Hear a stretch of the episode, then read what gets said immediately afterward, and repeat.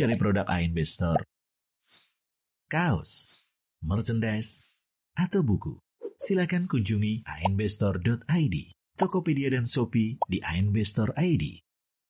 Assalamualaikum warahmatullahi wabarakatuh. Innal hamdalillah nahmaduhu wa nasta'inuhu wa nastaghfiruh wa na'udzu billahi min shururi anfusina wa min sayyiati a'malina may yahdihillahu fala mudhillalah wa may yudlil fala hadiyalah. Ashhadu an la ilaha illallah wahdahu la syarika lah واشهد ان محمدا عبده ورسوله قال الله تعالى يا ايها الذين امنوا اتقوا الله حق تقاته ولا تموتن الا وانتم مسلمون فيا عباد الله اوصي نفسي واياكم بتقوى الله faqad fazal muttaqun. Jamaah salat Jumat rahimani wa rahimakumullah.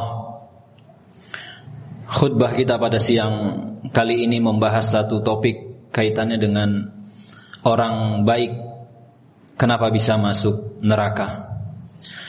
Kita yang hadir di tempat ini berkepentingan dengan hadis ini, dengan sabda Rasul Shallallahu Alaihi Wasallam dan insya Allah yang hadir melaksanakan salat Jumat adalah orang-orang yang baik, adalah orang-orang yang bertakwa kepada Allah. Dan kita patut khawatir karena Rasul menyampaikan hadis ini, yaitu peringatan untuk mereka-mereka yang menjadi orang baik. Rasul pernah bersabda di dalam hadis riwayat Imam Muslim, beliau mengatakan inna awwalan nas yuqda yaumal qiyamah. Di hari kiamat itu ada tiga kelompok orang yang mereka akan didahulukan perhitungan amalannya. Yang pertama kata Rasul, rajulun ustushid. Kelompok yang pertama adalah mereka yang meninggal dunia karena memperjuangkan agama Allah. Mereka yang mati syahid fa'utiya bihi fa'arrafahu ni'amahu fa'arafaha. Lalu ketika dia dihadirkan di hadapan Allah, Allah perlihatkan, Allah tunjukkan, dulu waktu di dunia kamu mendapatkan fasilitas A, B, C, nikmat-nikmat yang diberikan Allah dan dia akui, benar ya Allah, saya terima nikmat itu. Lalu Allah tanya, "Fama amil tafiha?" Nikmat yang dulu dikasih Allah, kamu pakai untuk apa? Lantas orang ini menjawab, Qataltu fika hatta stushhidtu. Ya Allah, dulu fasilitas itu saya gunakan untuk berperang, untuk menegakkan agamamu sehingga saya akhirnya terbunuh karena membela agamamu ya Allah. Tapi sayangnya Allah kemudian bilang sama orang ini, kazabta. Enggak, kamu bohong. Niat kamu nggak gitu dulu. Walakinnaka qatalta li an yuqal jari faqad kil. Kata Allah dulu waktu kamu perang, waktu kamu memperjuangkan agama Allah, itu niat kamu aslinya supaya kamu kelihatan hebat. Supaya orang mengakui bahwa kamu itu pemberani. Dan kamu sudah dapatkan kan? Orang bilang kamu adalah pemberani. Akhirnya umira bihi fasuhiba ala wajhihi hatta ulqiya finnar. Orang pertama tadi yang menggunakan nikmat Allah untuk berjihad, menegakkan agama Allah, akhirnya dia diseret oleh Allah, dicampakkan ke dalam neraka. Kemudian Rasul melanjutkan, wa rajulun ta'allamal ilma. Kelompok orang baik yang kedua yang nanti akan dihisap di akhir kiamat, orang yang mempelajari ilmu agama, Lalu kemudian wa 'allamahu wa al-Qur'an. Kelompok kedua ini orang yang belajar kemudian mengajarkan mereka membaca Al-Qur'an, mengajarkan Al-Qur'an. Lalu kemudian fa'utiya bihi fa'arrafahu ni'amahu fa'arafa. Ditunjukkan sama Allah, kamu dulu dapat nikmat apa dari Allah? Punya suara bagus.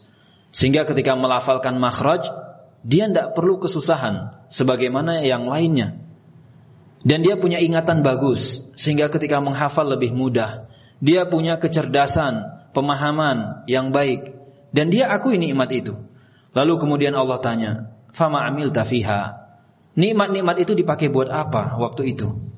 Lalu dia bilang, "Ta'allamtul ilma wa 'allamtuhu wa qara'tu fikal Qur'an." Ya Allah, Semua nikmat itu saya gunakan untuk mencapai ridhomu. Saya belajar, saya mengajarkan, saya mempelajari Al-Quran, saya mengajarkan Al-Quran, menghafal Al-Quran, mengajarkan Al-Quran, belajar tahsin, mengajarkan tahsin. Itu murni karena engkau ya Allah. Lalu kemudian Allah bilang, Kazabta, enggak, bohong kamu. Dulu aslinya niat kamu enggak begitu. Walakinnaka ta'allamtal ilma liyuqal alim. Kamu waktu belajar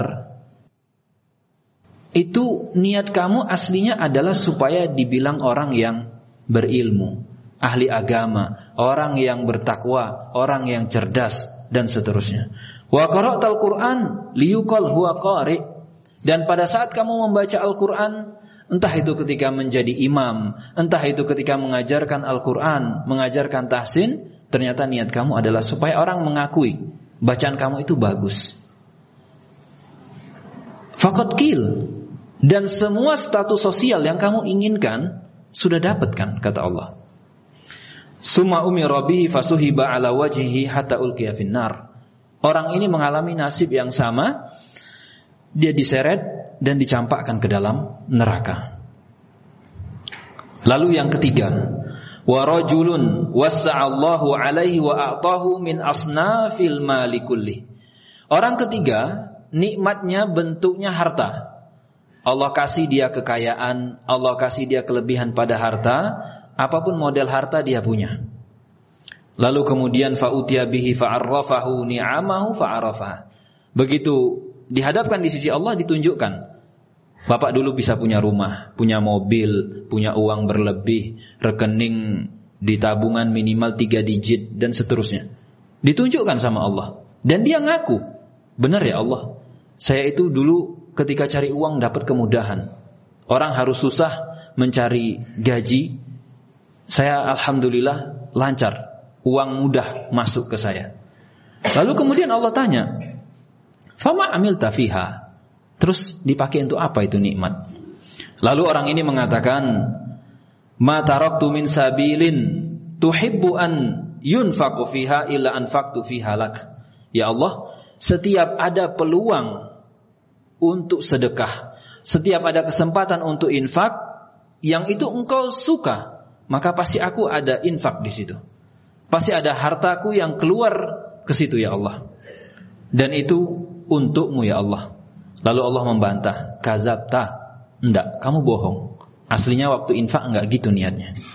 Walakinnaka fa'alta liyuqal huwa jawad.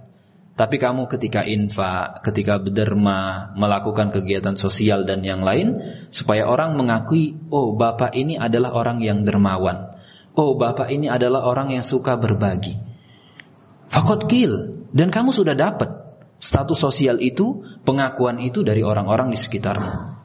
Summa umira bihi fasuhiba ala wajhihi summa ulqiya finnar.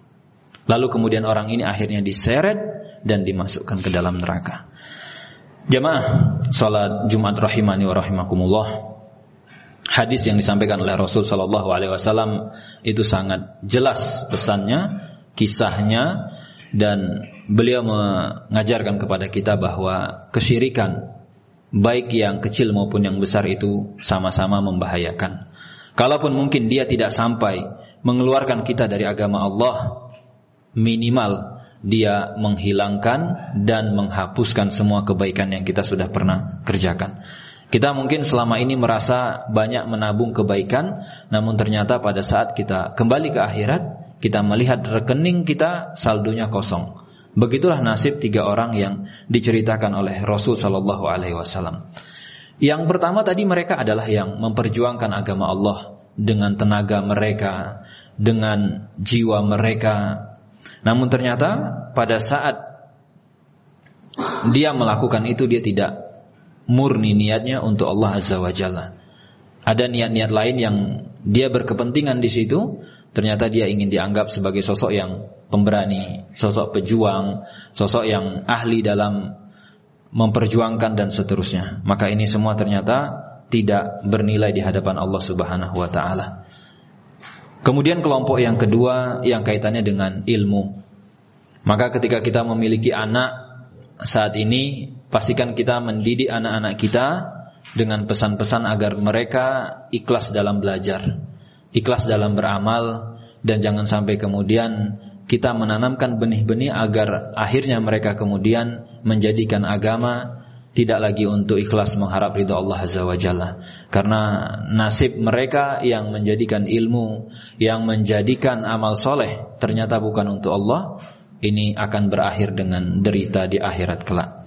Lalu kemudian kelompok ketiga yang mana mereka memiliki harta melakukan kebaikan, infak dengan hartanya namun ternyata saat infak ada keinginan di dalam hati untuk mencari perhatian. Ada keinginan di dalam hati ingin dipuji, dianggap orang yang baik, orang yang dermawan dan seterusnya, maka Allah Subhanahu wa taala tidak suka dengan perbuatan-perbuatan semacam itu.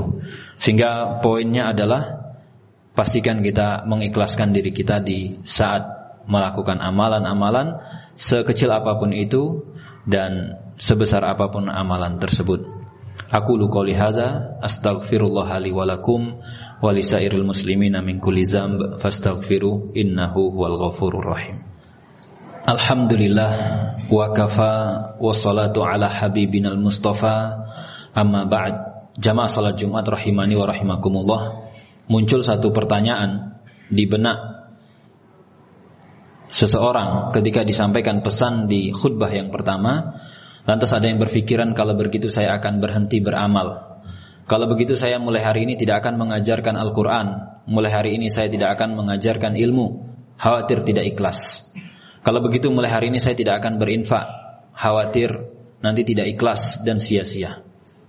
Dan mulai hari ini saya tidak akan memperjuangkan agama Allah, khawatir tidak ikhlas. Itu juga merupakan salah satu makar dari setan agar kita berhenti dalam berbuat baik.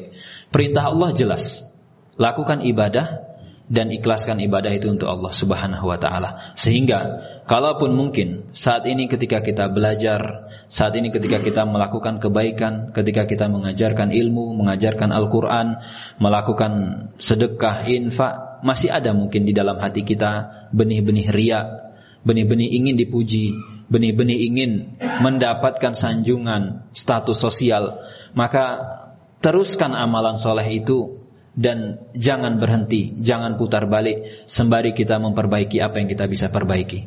Mungkin selama ini masuknya benih ria itu karena kita update status, maka mulai sekarang kita kurangi. Atau mungkin munculnya benih ria karena kita cerita ke mana-mana, maka itu dikurangi. Dan setiap hal yang itu berpotensi merusak niat kita, merusak keikhlasan kita, maka tetap kita berusaha hilangkan. Namun untuk amal solehnya lanjutkan karena perintah Allah adalah melakukan amal soleh mukhlisin ikhlas kepada Allah Subhanahu Wa Taala. Sehingga jangan sampai ada yang beranggapan kalau gitu saya tidak akan sholat takut ria. Saya tidak akan mengajarkan Al-Quran takut ria. Ini adalah salah satu bisikan setan dan di antara keberkahan amal soleh itu salah satunya adalah akan memudahkan kita untuk ikhlas. Jadi tidak perlu khawatir ketika kita menuntut ilmu, ketika kita berinfak, melakukan kebaikan, maka nanti mungkin ikhlasnya hanya sebagian sebagian lagi bermasalah. Ketika kita terus melakukan dan minta tolong kepada Allah, Allah akan bantu kita dan Allah akan mudahkan kita untuk ikhlas. Tapi poinnya tetap lakukan kebaikan dan tetap upayakan agar niat kita pada saat melakukan kebaikan itu 100% untuk Allah Azza wa Jalla. Inna Allah wa malaikatahu yusalluna ala nabi Ya ayuhalladzina amanu Sallu alaihi wa sallimu taslima. Allahumma gfir Lil muslimin wal muslimat Wal mu'minin wal mu'minat Al ahya'i minhum wal amwat. Innaka sami'un qaribu mujibu da'wat Ya qadiyal hajat. Allahumma a'inna ala zikrik Wa syukrik Wa husni ibadatik. Allahumma ati nufusana taqwaha wa zakkiha anta khairun man zakkaha anta waliyuha wa maulaha Rabbana la tuzigh qulubana ba'da idh hadaitana wa hab lana min ladunka rahmah innaka antal wahhab. Rabbana atina fid dunya hasanah wa fil akhirati hasanah wa qina adzabannar aqimus salah